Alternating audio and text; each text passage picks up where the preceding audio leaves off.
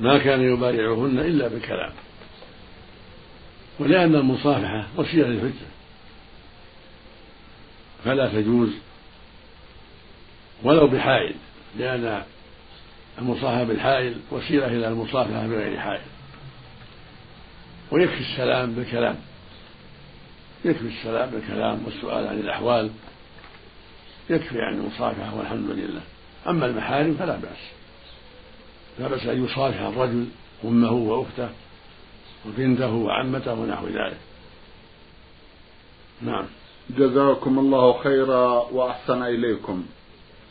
يسأل أيضا سؤالا آخر فيقول ما حكم من لم تنهه, تنهه صلاته عن الفحشاء والمنكر؟ حكمه أنه مفرط وعلى خطر عظيم. فالواجب عليه أن يحاسب نفسه وأن يتوب إلى الله من سيء عمله. ومن تاب تاب الله عليه. يقول الله سبحانه وتوبوا إلى الله جميعا. أيها المؤمنون لعلكم تفلحون. ويقول النبي صلى الله عليه وسلم التائب من الذنب كمن لا ذنب له. فالواجب على كل مؤمن وعلى كل مؤمنة التوبة إلى الله من سيء الأعمال. وأن يحاسب نفسه. ويجاهدها لله يرجو ثوابه ويخشى عقابه. ومن صدق في ذلك وجاهد نفسه في طلب الحق وترك الباطل أعانه الله وهداه السبيل. كما قال سبحانه والذين جاهدوا فينا لنهدينهم سبلنا وإن الله لمع المحسنين. وقال سبحانه من يتق الله يجعل له مخرجا ويرزقه من حيث لا يحتسب. وقال سبحانه من يتق الله يجعل له من أمره يسرا. فالواجب على جميع المؤمنين والمؤمنات التوبة, التوبة إلى الله سبحانه من جميع الذنوب. وجهاد النفس والشيطان والحذر من جلساء السوء والحرص على صحبة الأخيار مع الضراعة إلى الله وسؤاله التوفيق والهداية هو سبحانه نعم المجيب ونعم المستعان وهو القائل عز وجل ادعوني أستجب لكم. وهو القائل سبحانه وإذا سألك عبادي عني فإني قريب أجيب دعوة الداعي الدعاء وفق الله الجميع. اللهم آمين. جزاكم الله خيرا. بعد هذا رسالة وصلت إلى البرنامج من المستمع عبد الله أبو محمد مصري الجنسية. يقول منذ ما يقرب من خمس عشرة سنة تزوجت من ابنة خالي وأنجبت منها سبعة أطفال. وبعد هذه المدة الطويلة من الزواج علمت وعرفت أنني وأنا صغير شربت لبنا من ثدي والدتها عندما وضعت أخاها الأكبر. فهل يجوز دوام العشرة الزوجية بيننا؟ وما حكم الشرع في ذلك الوضع الذي فوجئت به بعد هذه الفترة من الزواج والمعاشرة بيننا؟ جزاكم الله خيرا. إذا كان الواقع ما ذكره السائل وهو أنه شرب من لبنها مرة واحدة فإن هذا لا يضر والزواج صحيح. لأن الرضاع الذي يحصل به التحريم لا بد أن يكون خمس رضعات أو أكثر. كل رضعة مستقلة يمص اللبن ويذهب إلى جوفه ثم يفصل الثدي عن فمه ثم يعود. وهكذا إذا صب له في إناء وشرب مرات خمسة أكثر. كل مرة مستقلة حالها فإنها تكون في مثابة الرضاع إذا صب له أو حلب له في إناء وشرب ثم حلب له وشرب خمس مرات كل مرة مستقلة فأكثر يكون حينئذ الرضاع مؤثرة ويحصل به التحريم. أما شرب لمرة واحدة أو مرتين أو ثلاث أو عدد لا يحفظه لا يدري هل بلغ خمسا أم لا فإن هذا لا لا يحصل به التحريم والحمد لله. جزاكم الله خيرا وأحسن إليكم. بعد هذا رسالة وصلت إلى البرنامج من جدة باعثها مستمع يقول السائل عين. يقول عن نفسه بل إن السائلة مستمعة كما كتبت. تقول يا شيخ أنا مصابة بالإصرار على معصية ما. وطالما اقترفت هذه المعصية وكلما اقترفتها يحترق قلبي وأتوب وأعزم على عدم العودة. ولكن يعود مرة ومرتين وثلاث حتى أنه لم يصبح لدي شعور بالندم والحرقة كما كنت سابقا.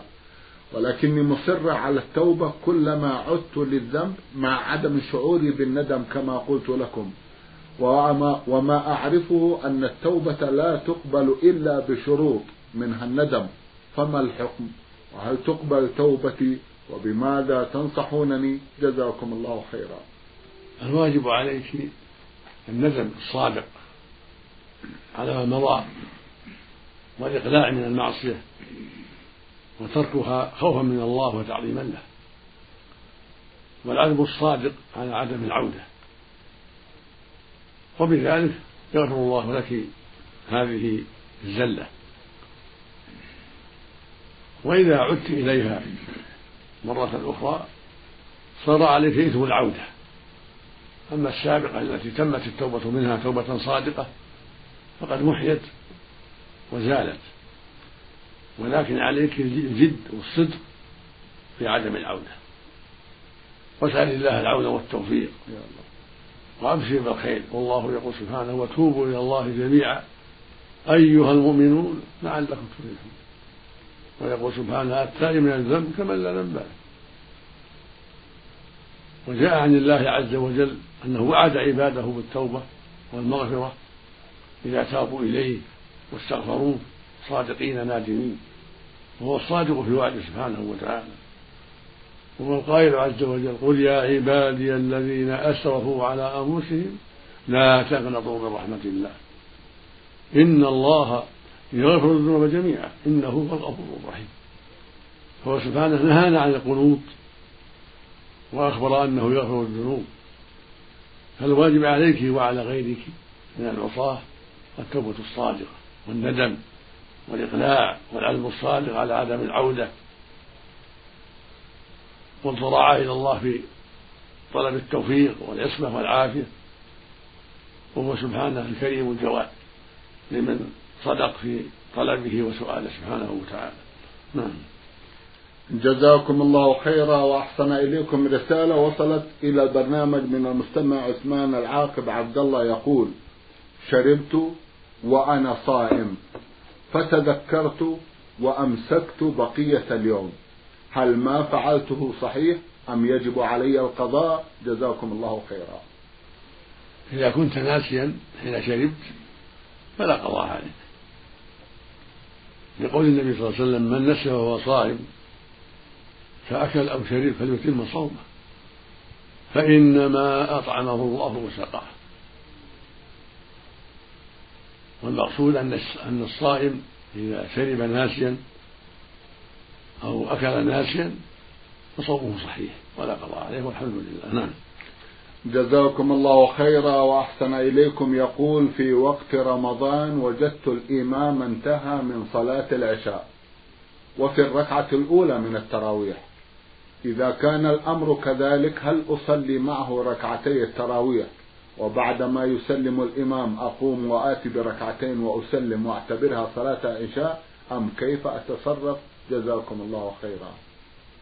لا حرج في ذلك. إذا أتى المسلم إلى المسجد وقد صلى الناس في رمضان صلاة العشاء وشرعوا في التراويح ودخل معهم نوى العشاء ثم تم صلاته بعدما يسلم الإمام فلا بأس عليه والحمد لله. وترجى له ويرجى له فضل الجماعة. وهذا هو الأفضل. وإن صلى وحده أجزاه ذلك. لكن الأفضل أن يصلي معهم حتى تحصل له الجماعة بنية العشاء فإذا سلم الإمام قام وكمل صلاته والحمد لله. نعم. جزاكم الله خيرا وأحسن إليكم. بعد هذا رسالة وصلت إلى البرنامج من إحدى الأخوات المستمعات. تقول أختكم في الله أم أحمد من العزيزية. أم أحمد لها جمع من الأسئلة في أحدها تقول إذا توضأت قبل صلاة المغرب بنصف ساعة أو ربع ساعة وصليت ركعتين للوضوء وجلست لقراءة القرآن والاستغفار حتى يحين أذان أذان المغرب. فهل عملي ذلك صحيح؟ نعم. عمل طيب. لأن الوضوء عبادة عظيمة. وقد شرع الله لمن توضأ يصلي ركعتين سنة الوضوء. فإذا توضأت ولو بعد العصر. وصليت ركعتين السنة سنة الوضوء فهذا كله طيب. وإذا انتظرت صلاة المغرب تسبيح والتحميد والتكبير فهذا خير عظيم. يقول الله سبحانه فسبح بحمد ربك قبل طلوع الشمس وقبل الغروب. فالتسبيح في آخر النهار قربة عظيمة وهكذا في أول النهار. فيبدأ النهار بالتسبيح والتحميد والتهليل والاستغفار ويختم كذلك. وفق الله الجميع نعم اللهم آمين. جزاكم الله خيرا. تقول يا سماحة الشيخ سمعت في برنامجكم نور على الدرب بأن الصلاة قبل المغرب مكروهة. بينوا لنا المقصود بذلك. هل هي صلاة التطوع أم كركعتي الوضوء؟ جزاكم الله خيرا. الصلاة بعد العصر منهي عنها وهكذا بعد طلوع الفجر سوى الفريضة وسنة الفجر إلى أن تطلع الشمس. وهكذا بعد صلاة العصر إلى أن تغيب الشمس. هذان الوقتان وقتا نهي عن الصلاة نهى عن نهى النبي صلى الله عليه وسلم عن الصلاة فيهما لكن إذا كانت الصلاة من ذوات الأسباب فلا بأس بها. كصلاة الكسوف. لو كسفت الشمس بعد العصر وكتحية المسجد لمن دخل المسجد بعد العصر يريد أن يجلس فيه إلى غروب الشمس. أو يسمع حلقة العلم أو ما أشبه ذلك صلي تحية المسجد على الراجح على الصحيح. وهكذا سنة الوضوء. إذا توضأ الإنسان يستحب له يصلي ركعتين ولو بعد العصر أو بعد الصبح. سنة الوضوء. أما النوافل التي ليس لها أسباب فهي منهي عنها. لا يجوز فعلها لا بعد الفجر ولا بعد العصر. حتى تطلع الشمس في أول النهار وحتى تغيب الشمس في آخر النهار. أما الفريضة فيصليها بكل حال. الفجر يصليها بكل حال. والعصر يصليها بكل حال. لو نام عن صلاة الفجر ولم يستيقظ إلا عند طلوع الشمس صلى وهكذا لو نام عن العصر فلم يستيقظ إلا بعد العصر بعد أن نصرت الشمس أو شغل عنها ونسيها ثم ذكر صلىها في أي حال. ليس لها وقت نهي. لقول النبي صلى الله عليه وسلم من نام عن الصلاة أو نسيها فليصليها إذا ذكرها. لا كفارة لها إلا ذلك. لكن لا يجوز للمسلم أن يؤخر الصلاة عن وقتها عمدا لا الفجر ولا غيره. بل يجب عليه أن يصلي في الوقت الفجر في وقتها والظهر في وقتها والعصر في وقتها والمغرب في وقتها والعشاء في وقتها. هذا واجب على المسلمين أن يؤدوا هذه الصلاة الخمس في أوقاتها. لكن لو شغل الإنسان عن ذلك حتى نسي صلىها متى أو نام غلبه النوم. فلم يستيقظ إلا عند طلوع الشمس أو بعد طلوع الشمس صلاها وهكذا العصر. إذا استيقظ بعد أن تصفر الشمس صلاها أيضا. لقوله صلى الله عليه وسلم من نام عن الصلاة أو نسيها فليصليها إذا ذكرها. لا كفارة لها إلا ذلك وفق الله الجميع نعم. اللهم آمين. جزاكم الله خيرا وأحسن إليكم. تقول سماحة الشيخ هل بعد كل صلاة دعاء مخصوص؟ أم يدعو الإنسان بما يشاء؟ بينوا لنا ذلك. مشكورين. جزاكم الله خيرا. النبي صلى الله عليه وسلم لما علم الناس التحيات قال صلى الله عليه وسلم ثم ليتخير من الدعاء أعجبه إليه فيدعو. وفي اللفظ الآخر قال صلى الله عليه وسلم ثم ليختار من المسألة ما شاء. فالإنسان مشروع له بعد التحيات بعد الصلاة على النبي صلى الله عليه وسلم بعد التعوذ بالله من عذاب جهنم ومن عذاب القبر ومن فتنة المحيا والممات ومن فتنة المسيح الدجال يدعو ما تيسر قبل أن يسلم. وإذا دعا بالدعوات المشروعة الواردة كان أفضل. مثل اللهم أعني على ذكرك وشكرك وحسن عبادتك. في آخر الصلاة قبل أن يسلم. اللهم إني ظلمت نفسي ظلما كثيرا. ولا يغفر الذنوب إلا أنت. فاغفر لي مغفرة من عندك وارحمني إنك أنت الغفور الرحيم. هذا الدعاء العظيم علمه النبي صلى الله عليه وسلم الصديق رضي الله عنه. والدعاء الأول اللهم أعني على ذكرك علمه معاذا. وهكذا جاء في حديث سعد بن أبي وقاص رضي الله عنه أن النبي صلى الله عليه وسلم كان يقول في آخر الصلاة اللهم إني أعوذ من البخل وأعوذ من الجبن وأعوذ بك أن أرد إلى أرض العمر وأعوذ بك من فتنة الدنيا وأعوذ بك من عذاب القبر. وجاء في حديث علي رضي الله عنه عن النبي صلى الله عليه وسلم كان يقول في آخر الصلاة اللهم اغفر لي ما قدمت وما أخرت وما أسررت وما أعلنت وما أسرفت وما أنت أعلم مني أنت المقدم وأنت المؤخر لا إله إلا أنت. هذه الدعوات المأثورة أفضل من غيرها.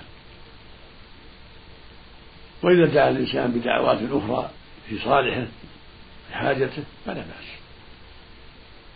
كان يقول اللهم اقض ديني اللهم أصلح ذريتي اللهم أصلح زوجتي اللهم وفقني لما فيه رضاك اللهم اهدني سواء السبيل اللهم ألهمني رشدي وأعني من شر نفسي. إلى غير هذا ما يدعو. الدعوات الطيبة لا بأس. ودعاء اللهم ألهمني رشدي هذا مأثور. النبي علمه الحصين بن عبيد الخزاعي لما أسلم علمه أن يقول اللهم ألهمني رشدي من شر نفسي وهكذا اللهم قني فح نفسي. المقصود يدعو بالدعوات الطيبة ولو كانت غير مأثورة يدعو بها لا بأس. اللهم يسر لي زوجة صالحة إذا كان بحاجة إلى زوجة. ومرة تقول اللهم يسر زوجا صالحا وما أشبه ذلك. اللهم يسر لي ذرية طيبة. اللهم اقض ديني. اللهم بارك لي فيما أعطيتني وما أشبه من الدعوات الطيبة. نعم. جزاكم الله خيرا وأحسن إليكم. أيضا تقول سماحة الشيخ إذا توضأت بعد صلاة الفجر أو العصر وجلست أقرأ القرآن هل يجوز لي ذلك؟ علما بأنني لم أصلي ركعتي حفظ الوضوء. جزاكم الله خيرا. الأفضل أن الإنسان إذا توضأ يصلي ركعتين سنة مؤكدة لكن لو لو تركهما لا حرج. لأنها نافلة. الحمد لله. صلاهما فهو أفضل وسنة مؤكد وإن تركهما فلا حرج عليه. نعم. جزاكم الله خيرا. إذا كان الإنسان غير متوضئ فهل يجوز له قراءة القرآن للحفظ أم يلزمه الوضوء؟ أعد. إذا كان الإنسان نعم. إذا كان الإنسان غير متوضئ نعم. فهل يجوز له قراءة القرآن للحفظ أم يلزمه الوضوء؟ الوضوء مستحب لقراءة القرآن إذا كان عن ظهر قلب. نعم. وإن قرأ من دون الوضوء فلا بأس إذا إذا لم يكن جنوبا. أما الجنوب فلا يقرأ حتى يغتسل. لكن إذا كان غير جنوب فله أن يقرأ القرآن من غير مصحف عن ظهر قلب. وإن كان على غير طهارة. لكن إذا كان أراد أن يقرأ المصحف فإنه يتوضأ أولا. بقوله جل وعلا لا يمسه إلا المطهرون. وقوله صلى الله عليه وسلم لا يمس القرآن إلا طاهر. المقصود أنه إذا كان يقرأ عن ظهر قلب يعني غير حفظ فلا بأس أن يقرأ وإن كان غير أما الجنوب لا الجنوب لا يقرأ حتى يغتسل. أما إذا كان يقرأ بالمصحف فإن لابد أن يكون على طهارة من الجنابة ومن الحدث الأصغر. نعم. جزاكم الله خيرا وأحسن إليكم. إذا صليت صلاة الفجر في يوم العيد أو الجمعة وبعد صلاتي أتوضأ مرة أخرى وأغتسل وأصلي صلاة حفظ الوضوء. إذا صليت صلاة الفجر في يوم العيد أو الجمعة. وبعد صلاتي أتوضأ مرة أخرى وأغتسل وأصلي صلاة حفظ الوضوء. فهل عملي هذا صحيح؟ ثم بعد ذلك أذهب إلى صلاة العيد وأجلس أقرأ القرآن ويوم الجمعة أصلي صلاة الضحى. بينوا لنا ذلك مشكورين. جزاكم الله خيرا. هذا طيب. إذا أراد صلاة الجمعة يغتسل. سنة. أما صلاة العيد لم يرد فيها نص لكن إذا اغتسل فلا بأس لأنها تشبه الجمعة من جهة أنها صلاة فيها اجتماع لكن النص جاء في صلاة الجمعة يستحب لها الغسل. والوضوء عند قراءة القرآن أفضل لكن لا يجب الوضوء إلا إذا كان يقرأ من المصحف. أما إذا كان يقرأ عن ظهر قلب فليس بواجب الوضوء له أن يقرأ وإن كان على حدث. إذا لم يكن جنوبا. أما الجنوب فلا يقرأ حتى يغتسل. المقصود من هذا أن القراءة عن طهارة أفضل وأولى. لكن لا تجب إلا إذا كان يقرأ من المصحف. أما إذا كان يقرأ عن ظهر قلب فلا حرج عليه يقرأ وإن كان على غير طهارة. إلا إذا كانت جنوبة فليس له أن يقرأ حتى يغتسل. أما الحائض والنفساء فاختلف فيهما العلماء. رحمة الله عليهم. هل هما كالجنوب أم لا؟ والصواب أنهما ليستا كالجنوب لأن مدتهما تطول. فالأقرب أن لهما والأظهر أن لهما القراءة في غير المصحف عن ظهر قلب. حفظا للوقت حرصا على الفائدة العظيمة من قراءة القرآن. نعم. جزاكم الله خيرا. إذا غسلت طفلا وأنا متوضئة فهل ينتقض وضوئي؟ نعم إذا مسست فرج الطفل ينتقض الوضوء فإن مس الفرج من الطفل ومن الكبير ينقض الوضوء إذا كان بدون حائل. أما مع الحائل من وراء الحائل فلا ينقض الوضوء جزاكم الله خيرا. أخيرا تسأل هل الغسل المسنون كالغسل الواجب في أحكامه؟ جزاكم الله خيرا. نعم الغسل المسنون كالغسل الواجب يعني في التعميم. يستحب تعميم البدن بالغسل. نعم. كالغسل الواجب. نعم. جزاكم الله خيرا وأحسن إليكم. بعد هذا رسالة وصلت إلى البرنامج من أحد الإخوة المستمعين يقول المستمع عبد الله مقيم في الرياض.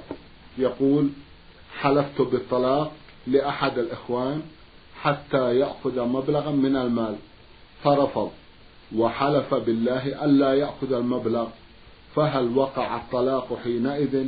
جزاكم الله خيرا. هذا فيه تفصيل. كان المقصود إلزامه بالأخذ التأكيد عليه وليس قصدك إيقاع الطلاق فإنه لا يقع الطلاق ويكون له حكم اليمين وعليه كفارة يمين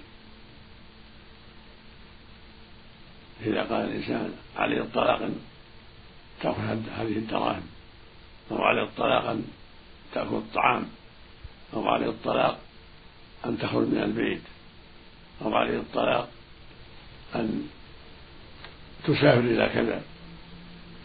ولم ينفذ يكون عن كفارة يمين إذا كان المقصود التأكيد في الموضوع ليس المقصود إيقاع الطلاق وإنما المقصود التأكيد فيما ذكر. فإنه يكون في حكم اليمين وعليه كفارة اليمين.